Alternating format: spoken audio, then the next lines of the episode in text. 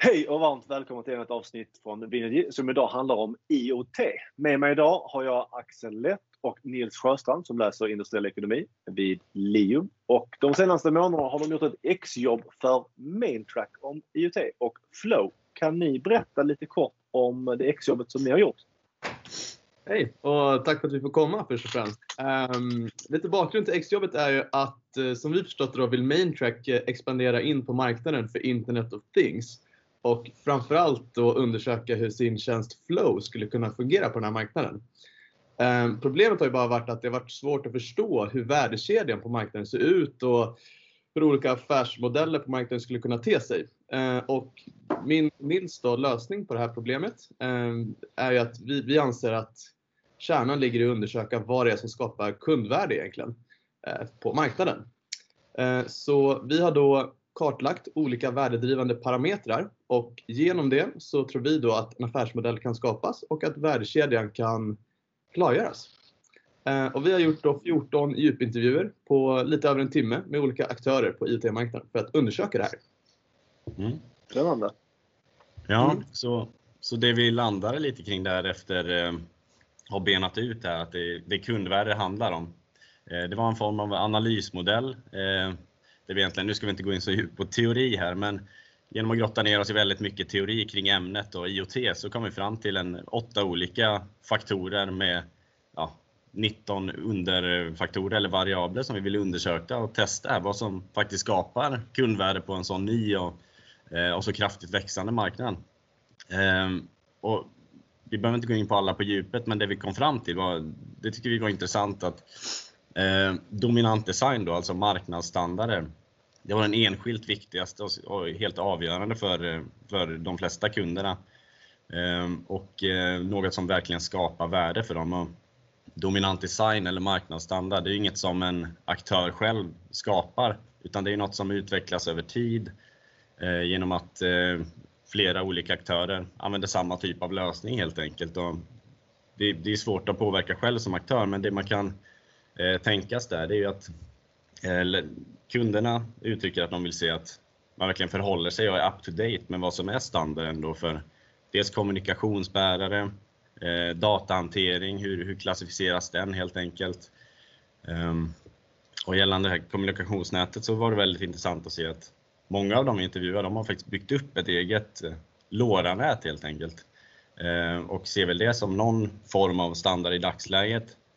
Problematiken där är väl att det är många som tror att 5G eh, kommer ta över lite där eftersom det är lite för, för låst helt enkelt. Du, behöver bara, du kan bara köra med LoRa-enheter och så vidare. Eh, mm. eh, något annat vi sett är att leverantörs proaktivitet i behovsanalysen är väldigt viktig. Eh, det är kopplat till att det, det, är många som vill satsa på IoT för man har digitaliseringskrav och så vidare, men det är få som, eh, som vet var det faktiska värdet skapas med den här datan som samlas in. Mm. Eh, så har vi egentligen två stora bitar till och det är väl att relationsbiten blir väldigt viktig och det är lite kopplat till den här osäkerheten som vi identifierat finns. Eh, det finns lite en, en rädsla för att testa något obeprövat och eh, det, det blir också komplext för en leverantör då att komma in på marknaden när man inte har något beprövat just på IoT-marknaden. Så det är en Eh, en situation man måste tackla på något sätt för att få in en pilotkund eller liknande. Mm. Eh, I övrigt har vi sett att eh, den här riskfaktorn som vi testat, den är väldigt viktig också, även den. Alltså riskens negativa påverkan på kundvärdet. Och det är då kopplat till säkerhetsaspekten, alltså vem äger datan? Eh, ska den laddas upp på något cloud utomlands eller kan man spara den lokalt och så vidare. Men även en eh, risk för att en leverantörs ganska nischade lösning, vilket det ofta är i dagsläget, eh, blir irrelevant i framtiden eftersom det inte finns så många lösningar idag som liksom går att komplementera med varandra helt enkelt. Så det är lite av de findings vi sett där kring värdeskapande faktorer. Det var jättespännande Eh, eh, exjobb som vi har fått ta del av och mycket, mycket intressanta ingångar för oss att ta vidare i, i, i bolaget. Och, eh, om ni nu tittar på det arbetet som ni har tagit fram så och vi, vi spänner lite bågen och går utanför det akademiska och tittar lite framåt så här så, så eh, när vi pratar om det här så, så har ni ju ändå identifierat att det finns ju en önskan och en vilja att göra det här. Man vet inte riktigt hur. Det som man ser som ett stort värde är att, att det finns en standard, för det hade ju gett en trygghet då. Eh, man har inte riktigt hittat de här ekonomiska modellerna för hur vi ska tjäna pengar för det, men man förstår ändå nyttan på många sätt. Sådär. Vad, tror ni, vad, tror, vad tror ni behövs för att vi ska komma igång på riktigt med det här? Mm. en lätt fråga. ja. Men ska jag ta eller har du?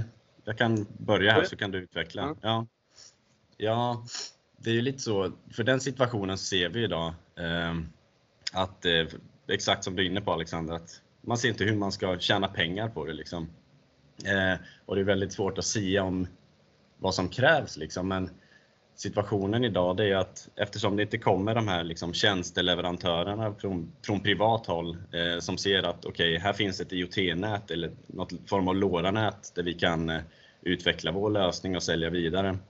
Det finns ju inte riktigt i dagsläget så det har ju lett till att ja, kommuner och andra kommunala aktörer helt enkelt, de, de, får ta ett stort grepp av värdekedjan och bygga sina testbäddar här helt enkelt. Eh, för de har ju sina digitaliseringskrav och eh, de kör väl på den approachen lite att man eh, strör ut en stor mängd sensorer och bygger på sig kompetens för att invänta att de här privata aktörerna ska komma och eh, knacka på dörren och vilja leverera sina tjänster helt enkelt. Eh, och då kanske de kan falla tillbaka till att bara ta kommunikationsbiten som likt stadsnät gör på, på bredbandsmarknaden helt enkelt.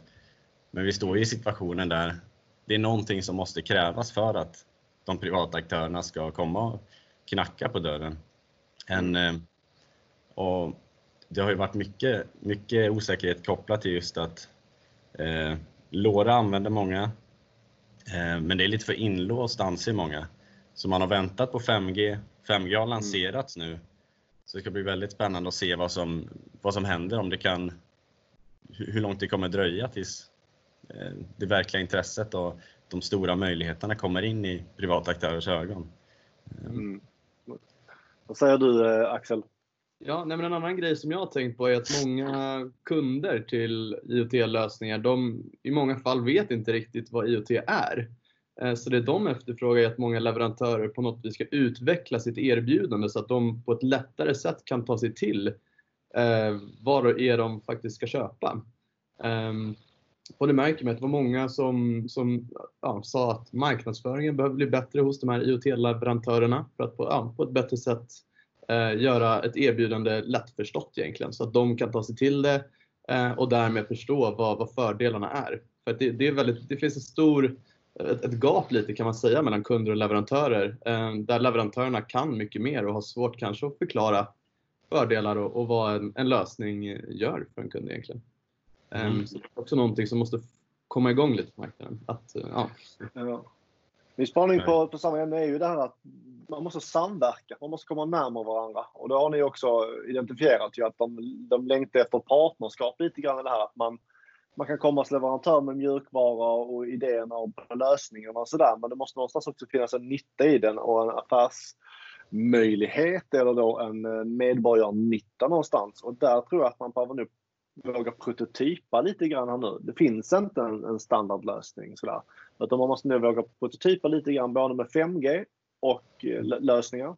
Eh, och mjukvarulösningar för att hitta en väg framåt. Och, eh, där ser vi då utifrån Maintracks perspektiv eh, positivt på det eftersom vi har ett så pass öppet system och eh, håller på att utveckla vår, vår Maintrack eh, community då, eller MC-klubben som vi kallar det för. Mm. Eh, där vi faktiskt ska kunna dela lösning med varandra. Så kommer kommun X fram till en lösning hur de ska göra för att ehm, jag vet inte, hålla koll på trafiksensorer eller luftföroreningar i stan och göra mjukvara kopplat till det så ska man kunna eh, släppa det på GitHub och sen liksom eh, slå, låta det ligga fritt i, i communityn så, så fler kan använda sig av samma lösning. Och då blir det öppet och man kan sitta och, och lära av varandra och gå ihop om större grejer och utveckla tillsammans. Eh, just, just det offentliga tycker jag verkar spännande.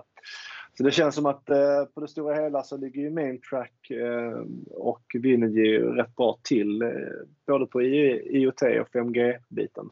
Har ni någon mm. annan spaning sådär framåt? Ja, men, en grej jag vill tillägga bara på Ja. det förra egentligen är också lite, det var ju väldigt många som, som berättade under intervjuerna att det de letar efter i, IT-system är ju att det är öppna lösningar utan inlåsningseffekter. Så där är ju Mm. Maintrack och Flow jättebra positionerade som det ser ut just nu då. Ehm, men framtidsspaningar, ja vad säger du Nils? Vill du köra eller ska jag?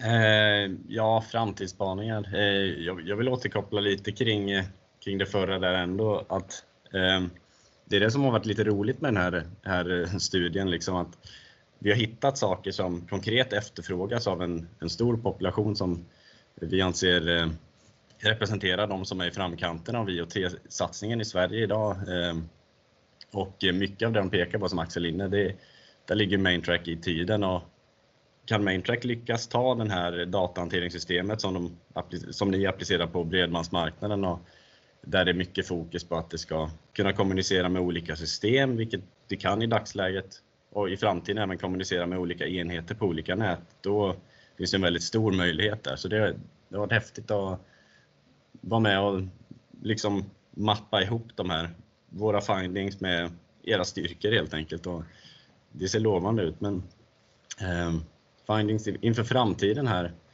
eh, ja, det är ju väldigt svårt att säga om liksom. Det är fortfarande det här moment 22 att folk, eh, folk avvaktar eh, och den här av, avhållsamheten gör det svårt att säga om vad, vad som kommer att ske eh, och hur lång tid det kommer ta för att det verkligen lossnar. Ehm, hade jag ett konkret svar på det, då vore jag ju miljonär idag, men det, det har jag ju tyvärr inte. ja, men det är bra. Men vi, eh, vi eh, har kört på en bra eh, genomgång här av eh, era, era, ert exjobb och era tankar. Eh, Stort tack för att ni eh, tog er tiden och, och spelade in det här med mig och för att ni ville presentera det i detta formatet också. Grattis till ett bra, bra exjobb och hoppas ni får en grymt bra sommar. Mm. Tack! Tack så jättemycket. Superkul. Hej. Ha det bra.